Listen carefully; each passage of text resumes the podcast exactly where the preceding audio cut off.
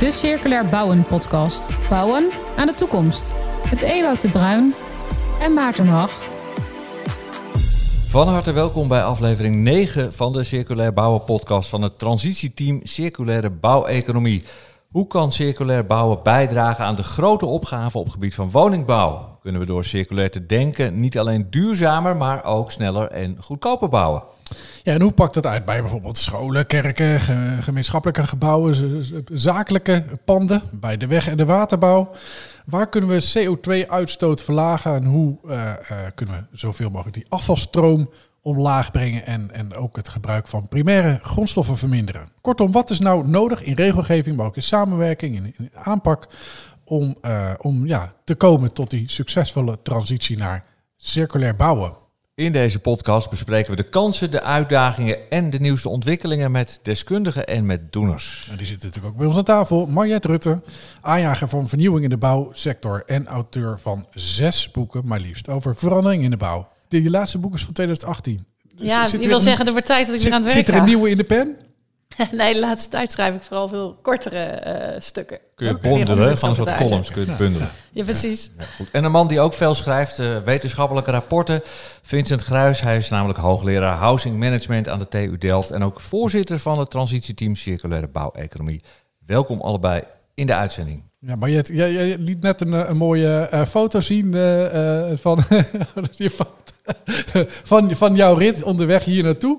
Uh, want daar kwam je, kwam je het onderwerp van gesprek vandaag kwam je tegen. Laagmaat komt zo meteen langs in de podcast. En jij zag hem gewoon in jouw rit onderweg. Er zat natuurlijk een chauffeur naast jou toen jij die, die foto maakte. Um, met liggers, hè? daar gaan we het straks over hebben. Ja, nee, het is, wel heel erg grappig. Inderdaad, in de auto voor mij uh, reed een auto van lage maat met betonnen liggers op de auto, op de A12, op weg naar deze podcast. Ik denk, dat is een voorteken. Ja, ja. Overigens, ik zit even te denken, in deze podcast gaan we naar een ander project van Lagemaat, maar die, die liggers waren natuurlijk in het verhaal over, over de GWW. waren dit GWW-liggers, denk je? Van een viaduct naar een viaduct? Ja, durf ik niet te zeggen. Ik, ik, uh, ze waren 10 centimeter dik. Ik ben geen bouwkundige, dus uh, uh, ik denk dat andere mensen dit veel beter kunnen beoordelen. Ja. In ieder geval waren ze dus los van het project en losmaakbaarheid in de bouw. Dat is ook het onderwerp in, van deze uitzending. Oftewel, zodanig ontwerpen en bouwen dat een gebouw hoogwaardig uit elkaar gehaald kan worden en ergens anders weer kan worden opgebouwd.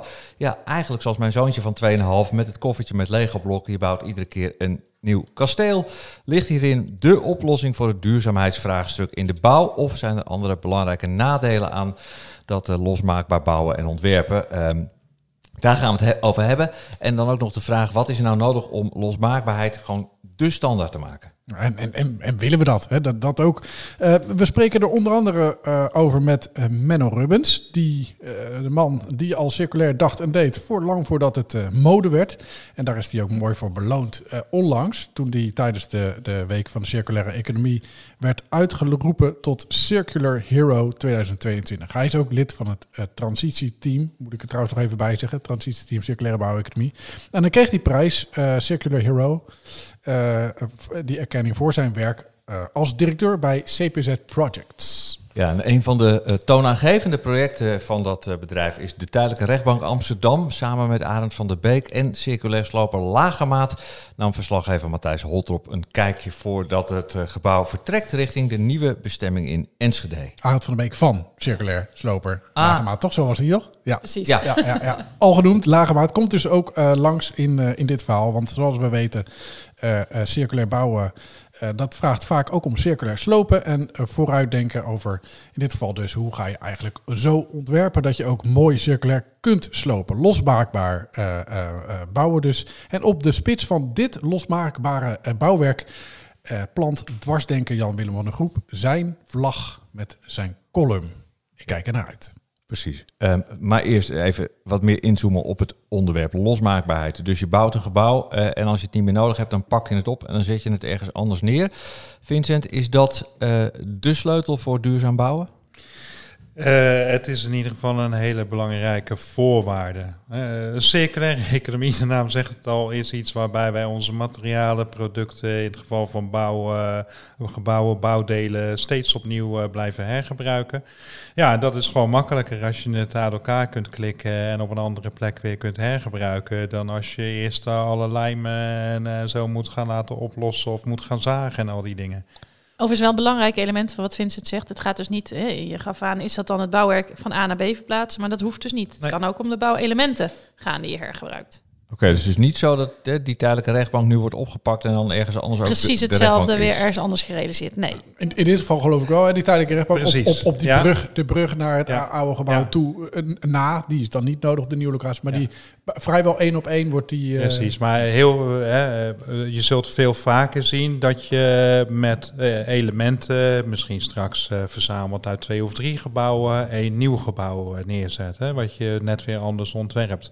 Maar wel ontwerpt met elementen die je al kent. Hè. Dus dat gaat een ander ontwerp opleveren dan als je helemaal op een wit vel, bij wijze van spreken, begint. Of, of een, we hebben het over gebouwen, maar het kan natuurlijk ook heel goed in viaducten bijvoorbeeld. Hè. Ik heb de, de, dat circulaire viaduct eh, in 2019 werd hij volgens mij voor uh, opgeleverd. Toen stond, stond ik met mijn snuffert bovenop. Allemaal uh, eigenlijk platen, onderdelen die je dus ook gemakkelijk langer of korter kunt maken, of breder. Ja, precies. Want dat, dat is wel heel leuk dat je daar al over begint. Misschien gaan we daar straks nog over verder. Het gaat niet alleen over losmaakbaarheid van elementen in een gebouw, maar stiekem ook nog wel weer over aanpasbaarheid. Hè? Stel, we hebben een kozijn. Nou, is misschien heel makkelijk uit elkaar te klikken en dan weer letterlijk her te gebruiken. Maar soms moet het op de andere plek net iets groter of iets kleiner zijn. En hoe makkelijk is dat dan? Nou, daarom is die vergelijking met Lego ook zo dankbaar, want dan kun je er altijd een Lego-steentje tussen zetten. En dan krijg je een, een hoge kozijn. Ja, ja.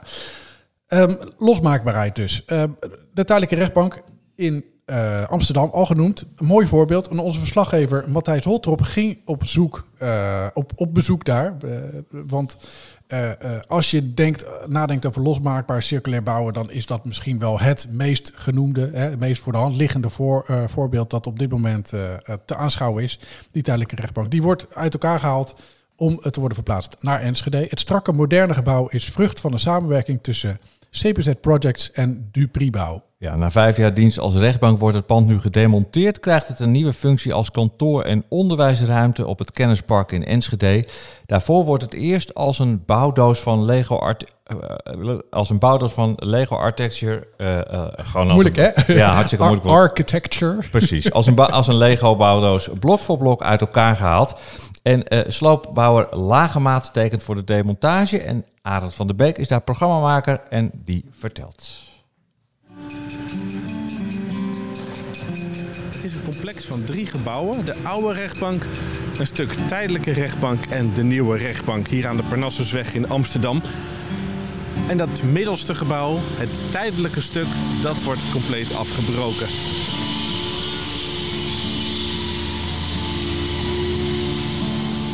Kijk nu naar, eigenlijk naar de laatste restanten van de eerste verdieping. Dus we zijn inmiddels uh, afgedaald. Uh, nou, de eerste verdieping wordt nu de laatste metaalconstructie wordt, uh, weggehaald. Het was een gebouw van, van glas en hout elementen in de gevel.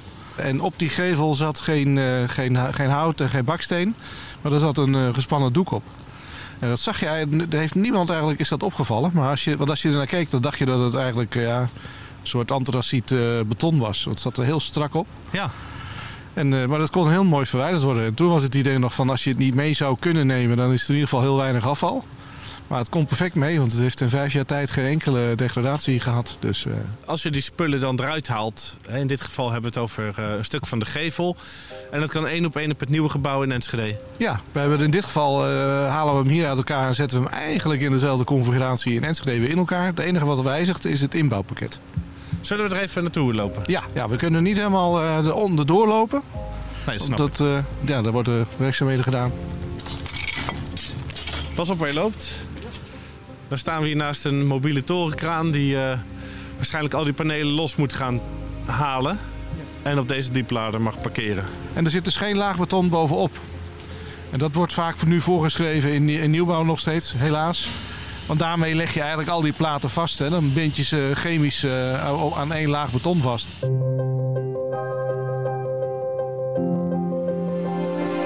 als je hier kijkt naar de, hoe de kanaalplaat op die flens ligt, hè, op die, die staalplaat, dan zie je daar twee bouten zitten. Gewoon twee schroeven. Ja. En die kun je losbouten als je dat doet. Dan, en je doet het aan de andere kant ook. Dan kun je, moet je aan één kant beginnen en dan til je eigenlijk steeds die platen eruit. En dan valt eh, de kelkvoeg die ertussen zit, valt er tussen weg. Die zie je daar liggen. Een, ho- een hoopje cement, zeg maar. Ja, dat is niet veel meer. Dat is eigenlijk het enige afval wat eruit uitkomt. En eh, de wandjes die er vroeger in stonden, de, scheidingswandjes, dat waren gewoon metalstuutwandjes. Dus dat is een metalen framepje waar gips op geschroefd zit. En dan hadden ze in dit geval tussen de twee lagen gips ook nog een laagje metaal. Zodat je er niet doorheen kon trappen. Dus de- zodat je de muur niet eh, kapot kon maken eigenlijk. Ja, want er zaten natuurlijk er zaten drie zones in het gebouw. Eén zone voor de gehechten, de mensen die nog veroordeeld moeten gaan worden. Eh, dan had je de hele zone voor het personeel. Voor de advocaten, de rechters. En je had een hele zone voor het publiek. En die drie zones eh, die zijn altijd gescheiden ge- gebleven van elkaar. En eh, op het moment dat de gehechten in hun zone zitten, moet het natuurlijk niet zo zijn dat je met een kleine wand door trapactie opeens in een andere zone terechtkomt. Dat, eh, dat werd voorkomen. Dus het was, dat was iets specifieks van, van dit gebouw. En wat kan je verder zeggen over materialen die, die je daar dus vindt? Je wil eigenlijk geen verlies van grondstoffen. Je wilt niet dat je steeds nieuwe grondstoffen uit de natuur moet roven. En je wil niet dat er afval ontstaat. Die, die twee stromen sluit je op elkaar aan. En dat betekent bij zo'n muurtje dat je dat staal eruit moet halen, eh, samen moet voegen en weer een- opnieuw zo'n muurtje kan, kan construeren. Maar heel vaak zie je dat in dat proces dat er een downcycle proces is. Daar waar, wij een, eh, waar nu in de sloop een gebouw eh, van baksteen en van beton eh, wordt vermalen tot eh, meng, menggranulaat wat we gebruiken als fundatie onder de weg. Ja. heb je dus weer nieuwe baksteen nodig en nieuw beton. En dus wil je dat anders doen. En dus wil je het beton bewaren in de, in de betonketen. En wil je met oud beton weer nieuw beton maken. En waarom is juist beton daarvoor zo'n eh, topic? Waarom kijken jullie juist daarnaar? Nou, Als lagermaat zijnde zijn we daar nu al een jaar of vijf heel intensief mee bezig. Dat we zeggen van op het moment dat je een gebouw uit elkaar haalt... moet je eigenlijk gaan focussen op het eh, beton, op het staal en op het glas. Want dat zijn de grote eh embodied CO2-veroorzakers. hè. Daar, in die materialen zit heel veel CO2 bij het maken van die materialen. En doordat we nou hier het staal en het glas en het beton één op één meenemen naar Enschede... hoef ik dus in Enschede geen nieuw beton te maken, geen nieuw staal te smelten en geen nieuw glas te smelten. En dat scheelt dan zo eh 2.500 ton eh, CO2. Nou zie ik daar nog eh, alle cellen staan volgens mij. Het zijn hokjes van eh, anderhalf bij drie, schat ik. Ja. Hokjes beton. Met Ja. aan de bovenkant een luchtkokertje en aan de voorkant een witte deur met het typische klepje. Ja. En elke eh, cel heeft een getal. En ik zie zo 18, 19. Eh, volgens mij Nee, 35 cellen even uit mijn hoofd. 35 cellen staan er. Oké. Ja, holding cells. Als de, als die, die kanaalplaten die er nu nog boven zitten, hè, de eerste verdiepingsvloer, als die eraf is, dan eh, staan ze eigenlijk zoals je ze ziet staan. Kunnen we ze er zo uittillen. De, de haakjes zitten er nog bovenop. Want dit is de oorspronkelijke plek. Hier zijn ze ook Ja. neergezet. En eh, daar, hebben we, daar moeten we nog even kijken wat we daarvoor bestemming voor hebben. Ze gaan in depot. Ja, ze, ze voldoen volgens mij nog aan, eh, aan de richtlijnen voor nieuwbouw. Dus ze zouden in een nieuwe rechtbank zo gebruikt kunnen worden. Maar je kan er ook een tuinhuisje van maken. Of... Ze- we gaan ze voorlopig nog niet vergruizen in ieder geval. Dat zou jammer zijn.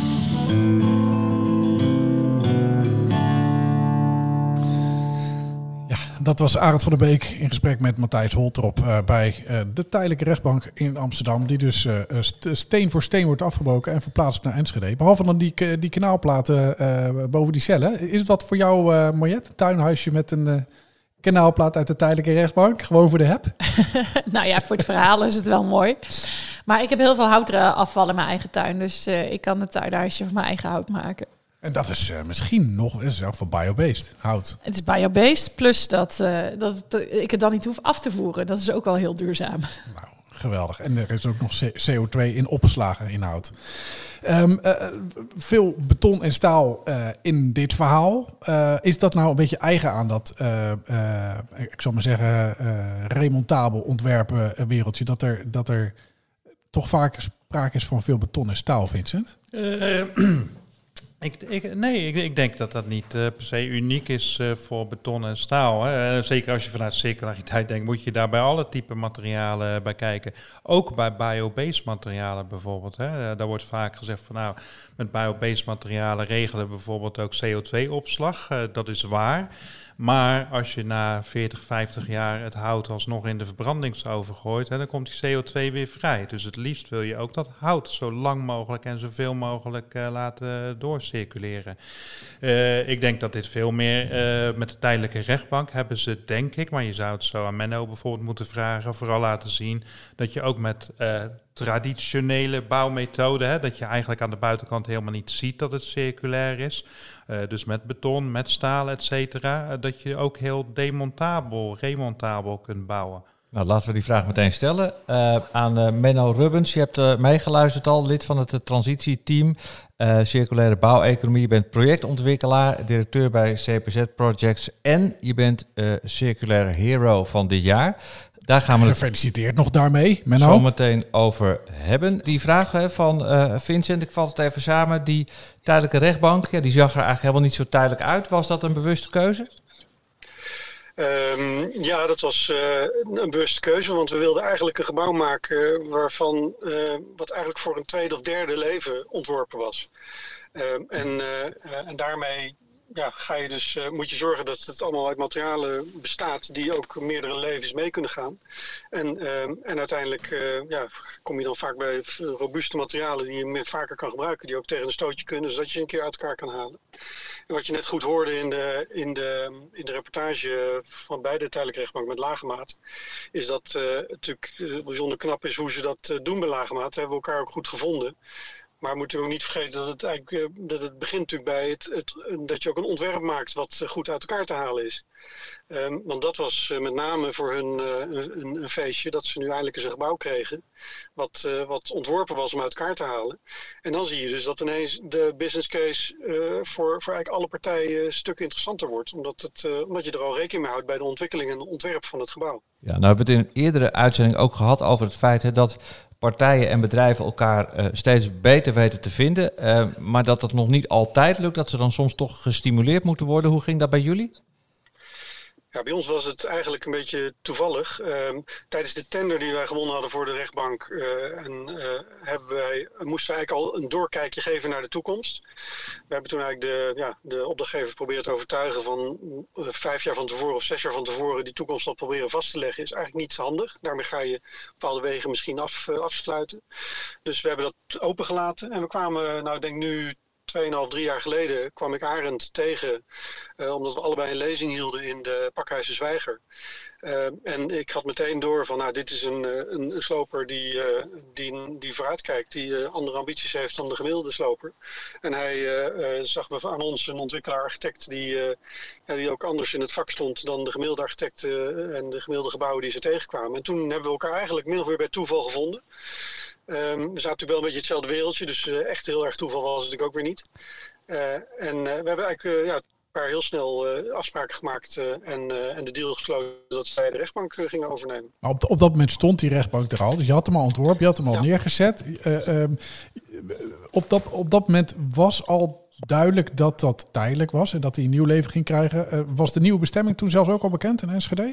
Nee, nee, nee. we hebben we, hebben, we hadden expres dat nog niet vastgelegd. Uh, het was natuurlijk wel gezegd, we willen wel ongeveer twee, drie jaar voordat hij echt weg moet, moeten we daar wel uh, mee beginnen. Maar we dachten, ja, vijf, zes jaar daarvoor al beginnen, dat heeft niet zo heel veel zin. Want dan ga je gewoon bepaalde wegen die misschien heel aantrekkelijk zijn, uh, zowel op milieutechnisch, maar ook financieel gebied, ga je dan al afsluiten. Want wat, in hoeverre is dat belangrijk? Dat je, dat je het tweede of het derde leven van een gebouw al enigszins kent om daarop te ontwerpen? Of zeg van, nou, eigenlijk helemaal niet?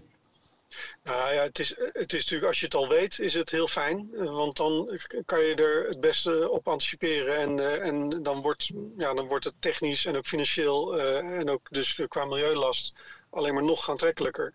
Maar het probleem is dat we natuurlijk allemaal uh, ja, niet zo goed in de toekomst kunnen kijken. En je kan nu wel bedenken wat er over vijf jaar of zes jaar met je gebouw gaat gebeuren. Dat is nog redelijk te overzien.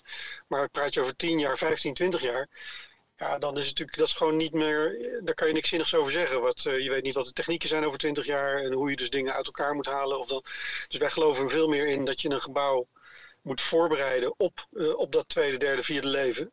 Uh, maar eigenlijk hoe dat ingevuld gaat worden, dat zou je nog een beetje open moeten laten. C circular ready noemen jullie dat geloof ik, hè? Circular, circular ready, ready is, dat is eigenlijk ja, een term die wij daarvoor verzonnen hebben. Uh, want elk gebouw is, ja, het is altijd een beetje lastig. We praten over circulaire gebouwen en dat de rechtbank circulair is. Uh, maar uiteindelijk blijven die gebouwen ook allemaal een soort circulaire belofte. En uh, nou, bij de rechtbank hebben we nu de kans om die echt in te lossen. Uh, dus daarvan zie je al meteen van, nou, dit is, uh, dit is dus een, een, ook een circulaire business case. Waarmee gewoon 2000 ton CO2 bespaard wordt door dit gebouw in Enschede op te bouwen. Um, maar al de andere gebouwen, circulaire gebouwen, die niet alleen wij maken, maar ook andere partijen. Ja, die zijn natuurlijk vaak een circulaire belofte. En dat, dus die moet je zo goed mogelijk circular ready maken. En daar ontbreekt het ook nog wel eens aan hoor, in, in, veel, in veel circulaire gebouwen. Uh, Menno, ik ben eigenlijk wel benieuwd als ik je iets mag vragen. Want ik vind het interessant dat je aangeeft van uh, Lagemaat was pas later betrokken. Dus jullie hebben dat hele gebouw ontworpen en neergezet, althans die begeleiding daarvan, uh, terwijl de sloper niet in beeld was. nu het gebouw uit elkaar gemaakt is, is er nou iets wat je geleerd hebt, waar, wat terugkoppeling die je hebt gekregen bijvoorbeeld, waarvan ze zeiden van ja, maar dit zou je de volgende keer nog beter kunnen doen? Ja, zeker. Er zijn een aantal zaken die die, wij, uh, die we nu, waarvan nu al weten, die gaan we gewoon anders doen de volgende keer. Um, bijvoorbeeld, een goed voorbeeld wat we altijd aanhalen is bijvoorbeeld de, trap, uh, de trappen die in het gebouw zitten. Die hebben we zo uh, ontworpen dat, dat de trapbomen en de tredes losmaakbaar zijn. Nou, daarvan zei Lagemaat meteen van, nou dat gaan we niet doen, want dat is veel te veel werk. We gaan die trap er gewoon in zijn geheel uittillen. Dus het, het, koppelen, en dat is, heeft allemaal te maken met arbeids, arbeidsuren die je eraan moet besteden. Dus hoe, hoe het wordt pas circulair, op, dat heb ik daar heel erg van geleerd, het wordt pas circulair als het ook daadwerkelijk te doen is. Als het ook een, een nou, zeg maar met een goed Nederlands woord, een business case oplevert. Betaalbaar is, ja. Als het betaalbaar is, ja. Dus als het, en als je dus eerst 100 uur moet besteden om een trap uit elkaar te halen en volgens weer 100 uur moet besteden op de nieuwe locatie om weer in elkaar te zetten. Terwijl je het ook eh, in één uurtje uh, uh, op een vrachtwagen kan tillen en hem weer in één uur op de volgende plek erin kan hijsen. Nou, tel uit, tel uit je winst, dan wordt het gewoon beter haalbaar. Ja. Dus stem je de, de grootte van de elementen nog meer af op wat, uh, ja, wat met relatief weinig mensen of met, met relatief weinig uh, materieel uh, te verwijderen is. En ook makkelijk te voeren is nog. Maar het blijft toch behoorlijk een arbeidsintensief klusje lijkt me. met al die bouten en boeren die, die losgehaald moeten worden één voor één. Is, is, daar, is daar ook winst te behalen? Van het fiscale vergoeding lastenverlichting op arbeid is een hele, kan een hele belangrijke zijn. Maar uh, wat eigenlijk beter is, is te kijken of je naar uh, dus alle schaduwkosten die bij materialen dus uiteindelijk nu genegeerd worden, dat je die juist inprijst. Dus dat je ja, vervuilende materialen of materialen met een hoge CO2 belasting, dat je die, dat je die hoger beprijst. En, ehm, en uiteindelijk als je materiaalprijzen ook uh, hoger maakt, dan wordt het ook sneller aantrekkelijk om, uh, om materialen te gaan hergebruiken. Dus het eigenlijk zijn twee dingen. Hè. Ik, uh, het is wel arbeid goedkoper, maar dan moet je ook materiaal, materiaal ja. duurder maken. Maar materialen hergebruiken, maar zou het ook goed mogelijk zijn om remontabel te bouwen volgens jullie ontwerpprincipes met allerlei biobased materialen? Jazeker, we hebben dat bij de rechtbank ook gedaan. Hè. Dus het is echt een hybride gebouw. De, de hele gevel is uh, is van HSB, uh, houtskeletbouw. Dus het is een biobased toepassing. de hoofddraagstructuur is staal en de vloeren zijn van beton. Um, we hadden hier voor de vloeren ook niet kunnen kiezen voor biobased, omdat die, ja, de, de, de eisen die eraan gesteld werden, waren gewoon op dat moment niet in hout te halen.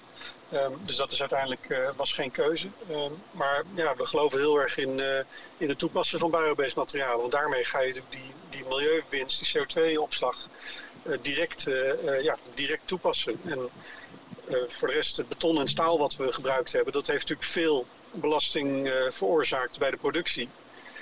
en dat, daarvan zou je nu kunnen zeggen dat dat zit ook in die materialen opgeslagen. Ja, nou hoorden we. Ja. We hoorden in, de, in de reportage uh, uh, dat het gebouw gaat naar Enschede. Uh, het cellenblok gaat niet mee, dus die celletjes die zijn nog, ja, die zijn nog vakant, die zijn nog te koop. er werd daar gesuggereerd om daar een tuinhuisje van te maken. Neem ons nog eens even mee hoe dat er dan uitziet in je achtertuin. Zo'n Ja, ja. nou die, die, het tuinhuisje, een cel is natuurlijk ja, niet echt een heel erg vriendelijk, vriendelijk gebouwtje. Het is gewoon een betonnen doosje met een hele zware stalen deur erin, met een klein, heel klein raampje erin. Nou, je begrijpt natuurlijk wat, waarvoor die ontworpen zijn. Ehm, dus ik denk eerder dat het interessant kan zijn om ze als, in een kantoor misschien als soort belcellen of zo te gaan gebruiken in, als soort thema. Um, maar nou, ik, ik, ik, heb, ik heb er thuis wel wel een paar rondlopen die ik af en toe even op je strafbankje zou willen zetten. Hoor, ik dacht uh, precies aan hetzelfde, Maarten. ja, dat is inderdaad. Ze zijn ook goed geluiddicht, dus dat is ook... Uh, oh, heerlijk! even voor een rustige zondagochtend, dan kan je ze daar even opsluiten. Ja, ja, ja. Maar je ziet dus dat dit is typisch, die cellen is, is een heel specifiek onderdeel van dat gebouw. En is eigenlijk het enige onderdeel wat, uh, wat niet één op één een hele makkelijk hergebruikfunctie heeft.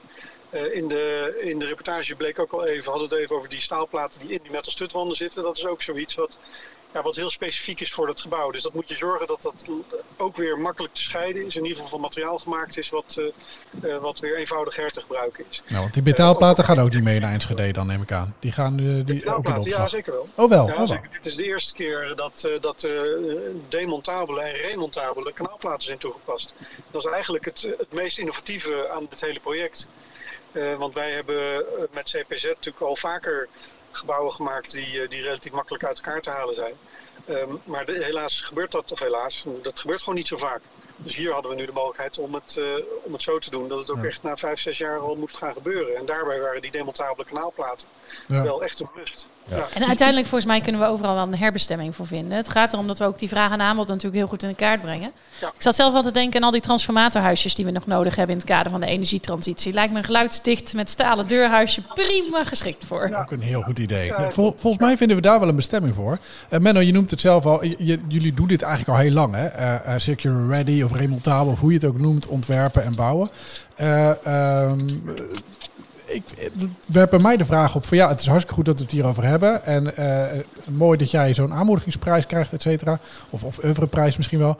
Uh, maar heeft dit wel stimulans nodig? Het kan al, het kan kennelijk uit. Het gebeurt al.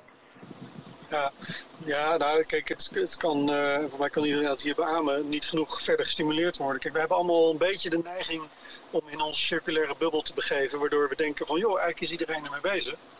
Maar uh, als je op een gemiddelde bijeenkomst uh, waar uh, wat andere mensen uit de bouw zijn, dus als je bij spreken je oom die aannemer is op een verjaardag spreekt, dan, dan is dat toch vaak een stuk minder enthousiasme. En dan is het van eerst even kijken of het, hè, laat maar even doorgaan zoals we het al deden. Want die nieuwigheid, daar hebben we nog niet zo zin in. Dat geldt ook voor architecten, dat geldt ook voor ingenieurs. Maar als het toch gewoon een goede, goede business case is, wat, wat houdt mensen tegen om ja. zo te denken en doen? Ja, ja nee, helemaal, je hebt helemaal gelijk. Het is een terechte, terechte vraag. En uh, wij kunnen niet veel meer doen dan er overal over vertellen wat we doen en het laten zien. en mensen proberen aan te steken. Maar ja, het is, het is toch, blijft lastig om, om binnen de bouw, voor alle partijen die erin betrokken zijn, om uit je comfortzone te stappen. En, en iets anders te gaan doen. Maar, er zit wel een, een verschil natuurlijk hier. Want kijk, hier de business case is hier ook goed, omdat je al wist dat het een tijdelijk project was. Maar het merendeel van wat wij bouwen, daarvan nemen wij in ieder geval aan dat dat er misschien wel 100 jaar staat, of in ieder geval 50 ja. jaar. Dus voor ons gevoel is dat zo ver van, uh, hè, van mijn bedshow. Van ja, dat zien we dan wel. En uh, dan is mijn bedrijf er waarschijnlijk helemaal niet meer. Dus het is wel makkelijker en aantrekkelijker als je ook weet dat een gebouw ergens minder dan 10, 15 jaar staat. Ja, maar je moet eigenlijk naar de situatie toe. We hebben, we hebben nu een aantal circulaire gebouwen, ook die we ook echt zo framen, gemaakt uh, in de laatste 5, 6 jaar. Uh, uh, een aantal daarvan weet eigenlijk de opdrachtgever ook helemaal niet dat het een circulair gebouw is. Of dat die demontabel is. Dus het, uiteindelijk moet je het ook doen vanuit een soort intrinsieke motivatie. En, en niet alleen om er, om, er zo, om er meer geld mee te verdienen. het is uiteindelijk ja, je zou, het zou gewoon wat dat betreft verboden moeten worden om dingen te bouwen die niet meer uit elkaar te halen zijn. Net zoals we nu gewoon bepaalde materialen ook niet meer gebruiken. Ja, dat, dat en, vind jij, dat, dat, dat, is, dat leg je hierbij zo in ons midden? Dat zou moeten verbod komen op niet goed remonteerbare gebouwen? Ja, nou ja, uiteindelijk, er, er blijven natuurlijk altijd onderdelen van een gebouw die uh, een waterdichte kelder maken van... Uh, van uh, uh, prefab elementen is natuurlijk altijd wat lastiger dan wanneer je dat in ter plekke gestorte beton kan doen. dus het, het, het, zou niet voor alles gelden, maar wij pleiten ook heel vaak voor een remontageplan wat je bij een bouwvergunning verplicht zou moeten stellen. En daarvan hoeft niet bij elk gebouw te blijken dat het voor 100% remontabel is. Maar het dwingt wel degene die het ontwerpen en degene die het ontwikkelen en degene die, die het opdrachtgever uh, zijn, om erover na te denken. Hè? Om, om eens even na te denken over wat gebeurt er nou inderdaad over 10, 20 jaar met mijn gebouw. We zijn eigenlijk bezig met een soort wegwerpgebouwen te maken. De, je hebt de wegwerpmaatschappij op productniveau. Maar heel veel kantoorgebouwen, praat ik dan even vooral over, die de afgelopen 30, 40 jaar zijn gebouwd. Dat zijn eigenlijk wegwerpgebouwen. En die noemen we permanent, maar die worden vaak na 30, 40 jaar ook gewoon gecrushed en gesloopt. Ja. Vincent, kan jij, Vincent, kan jij um, uh, zeg maar als voorzitter van het transitieteam, als een van jouw transitieteamleden, uh, zeg maar zo'n stelling poneert, kan je daar in Den Haag mee uit de voeten? Uh, nee, dan zeg ik natuurlijk, Menno, uh, dat moet je niet in het publiek uh, zeggen. Nee, nee, dat is onzin. Foei. Kijk, het is in het strafbankje. Mensen in het transitiesteam zijn juist uitgekozen omdat ze zelf ook daadwerkelijk bezig zijn met die transitie. Hè. Daarom zit ook, ook Menno erin. En we hebben het nu vooral ook over het product, de tijdelijke rechtbank. Wat natuurlijk een heel mooi voorbeeld is van een remontabel gebouw. Ja, maar zo, zo Maar- makkelijk maar- het niet weg. nee, maar- nee, maar-. Eigenlijk zegt Benno, er is geen goede reden om het niet te doen. Remontabel ontwerpen en Dus bouwen. ik, dus ik ga daar even op door. Wat ik misschien nog wel belangrijker vind, is de lessen voor het proces die we hieruit halen. Eh, A, dat de, de ontwikkelende architect een eh, samenwerkingsrelatie opbouwt met demontagebedrijven en andersom. Dat is een hele belangrijke. Dat betekent dat we zometeen zonder een hele grote systeemverandering gewoon die cirkel al kunnen gaan sluiten. Eh, de aanbeveling die Menno geeft bijvoorbeeld van nou een remontageplan zou eens heel goed zijn om al te vragen bij elke nieuwbouw en grote verbouwing. Daarmee stimuleer je gewoon dat partijen dus ook gaan nadenken over dat remonteerbeleid. Een hele simpele ingreep. Eh, maar ook de, de materiaalinventarisatie is ook een van de lessen die we uit dit eh, project en ook andere projecten die eh, onder andere ook in samenwerking door We hebben het eerder over CPZ gehad, hè, dat dat juist, en, juist op een sloopmoment is een goed maar moment. precies. Op de, dus, dus, de- dus deze mensen, deze partijen, die vinden elkaar al als ze weten dat ze over twee jaar een gebouw uit elkaar gaan halen. Of bij En renovatie. dan, en dan gaat nou, een lagermaat BV bijvoorbeeld contact opnemen met CPZ Projects. Van nou, we krijgen dit beschikbaar straks. Ja. Dus kunnen jullie hier al wat mee? Kunnen jullie hier al plannen mee gaan maken?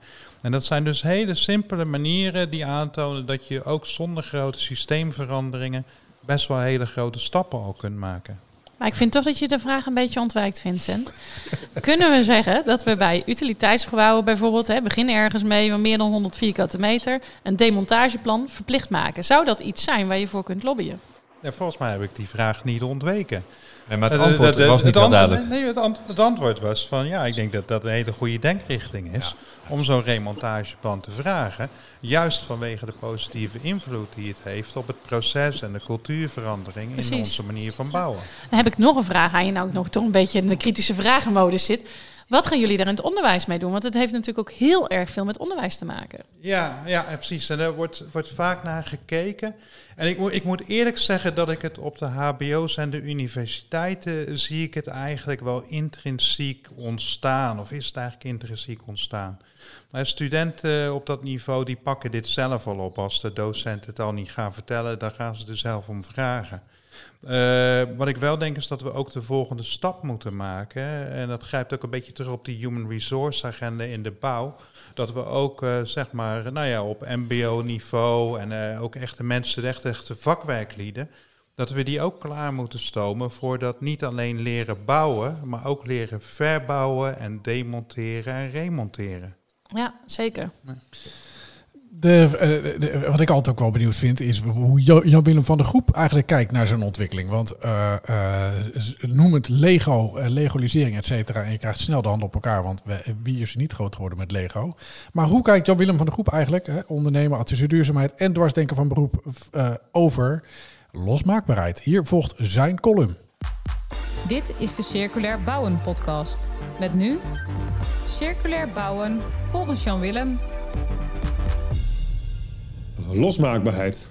Mensen die mijn vorige columns gevolgd hebben, weten dat ik mij vooral focus op de korte termijn gevolgen van CO2-intensief bouwen op het klimaat.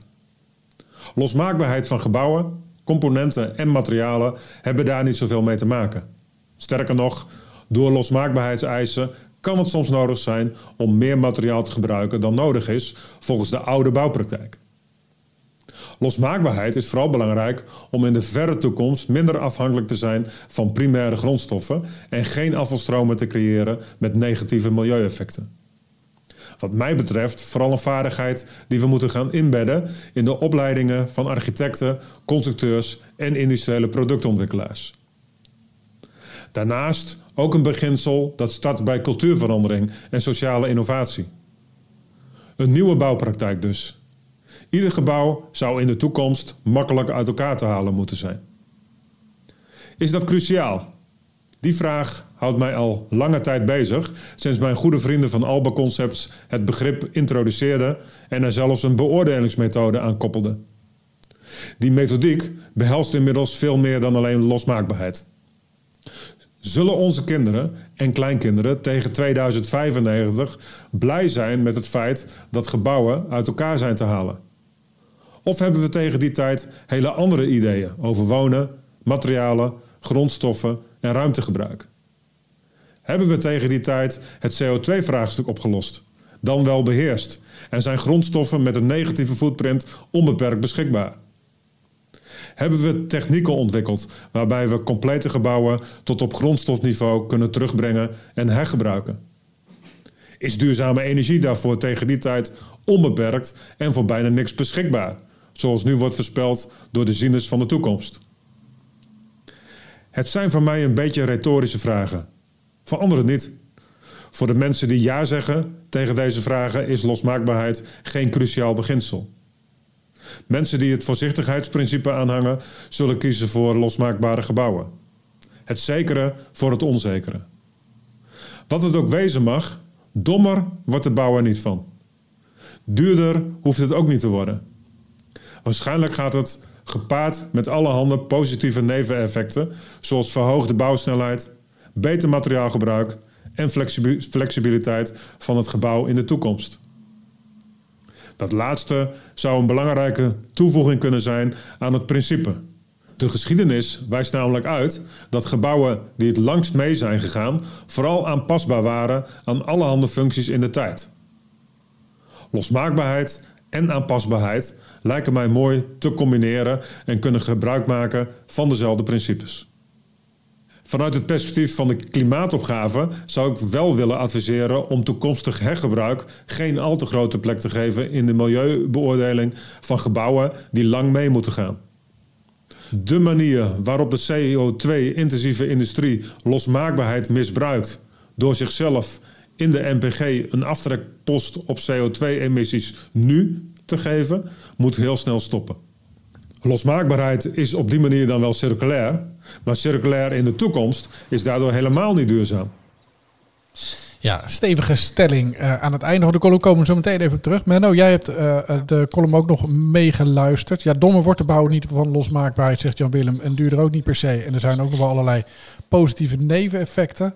Uh, maar we moeten het maar niet te zwaar meewegen in de milieubeoordeling. Hoe, hoe luister jij daarnaar? Voor gebouwen die lang moeten staan. Ja, dat is wel een belangrijke theorie. ja. Dat, nou, kijk, ik heb uh, de, de, de, deze discussie of, of gesprek, moet ik het eigenlijk beter noemen, met Jan Willem al een paar keer eerder gehad. En hij was ook, uh, we hadden hem ook uitgenodigd bij het, het, het startmoment voor de demontage van de tijdelijke rechtbank. En daar was hij bij, toch? Ehm, daar was hij bij, ja. ja. daar was hij bij. Dus hebben we ook die discussie gevoerd. En daar komen het ook wel op neer dat uh, op, we zijn het erover eens dat je, je hebt uh, de sprake van een materiaaltransitie en een ontwerptransitie.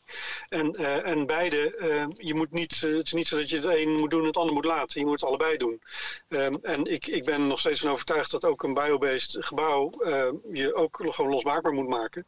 Um, om te zorgen dat je in ieder geval de, de onderdelen ook tot de lengte van dagen zou kunnen blijven hergebruiken. En wordt dat, wordt dat jouw volgende icoonproject? Een losmaakbaar, zoveel mogelijk biobased gebouw? Uh, ja, ja dat, uiteindelijk proberen we nu al in de gebouwen zoveel mogelijk biobased materialen toe te passen. Uh, dat is helaas nog niet altijd, uh, nog niet altijd mogelijk.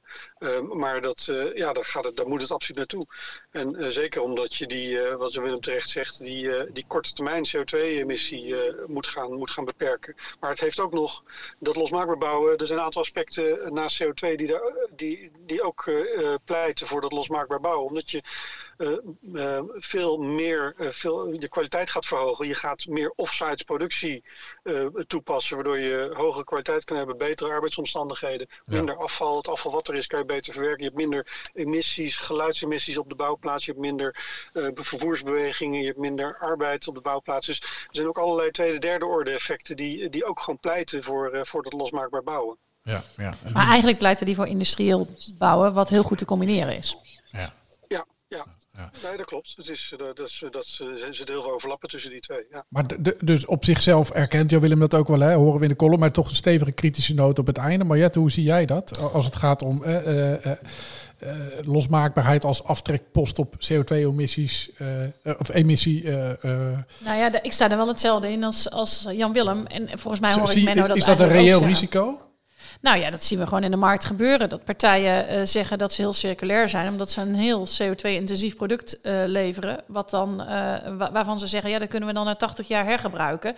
Nou, dat is natuurlijk geen mens die daar over 80 jaar nog die claim nog kan aantrekken. En de vraag is of we met alle CO2-uitstoot op de korte termijn daarmee dan echt geholpen zijn. Dus dat is een beetje het nadeel van het lange termijn denken. Het is een beetje wie dan leeft, wie dan zorgt. Ja, maar die ontwerptransitie waar Menno het ook over heeft, ik, dat, dat vind ik absoluut een, een heel goed idee. Ik denk wel dat er een ja. heel groot verschil is overigens tussen woningbouw en utiliteitsbouw in dit verhaal. Uh, voor de utiliteitsbouw vraagt dat echt een ontwerptransitie die, die op projectniveau uh, uh, ingestoken wordt. wat je bij de woningbouw ziet, is dat, nou ja, we weten inmiddels dat een substantieel deel van de woningen uit de fabriek komt. Um, die worden al standaard op een dergelijke manier uh, over het algemeen uh, opgebouwd. Ik, heb toevallig uh, de losmaakbaarheidsindex van de industriële woningen bekeken. Die zit op 0,85 gemiddeld. Dus die is gewoon al vrij hoog. En over icoonprojecten, over biobased gesproken. Ja, als we gaan kijken naar de woningbouw, zijn er natuurlijk ook heel veel voorbeelden van biobased losmaakbare woningen beschikbaar. Bij de utiliteitsbouw denk ik dat daar nog een grote slag te maken is. Waarbij die extra belangrijk is, want zoals Menno ook aangeeft, uh, zeker kantoorpanden staan vaak minder lang dan woningen. Ja, ja. daar is gewoon meer verloop in, in, in uh, ja, de plek waar ze nodig zijn, hoeveel er nodig is, et cetera. Nou ja, en de eisen die, daar, uh, die bedrijven die daar zich in vestigen aan willen stellen. Hè? Dus, uh, dus de uitstraling van een gebouw, uh, die ook weer bepalend is voor het werven van personeel en dergelijke. Dus mensen willen gewoon heel graag, als je een bedrijf hebt, een, een sexy nieuw pand hebben. Ja, ja. En dus is de verleiding groot om een nieuw pand neer te zetten in plaats van een oud pand te gaan gebruiken.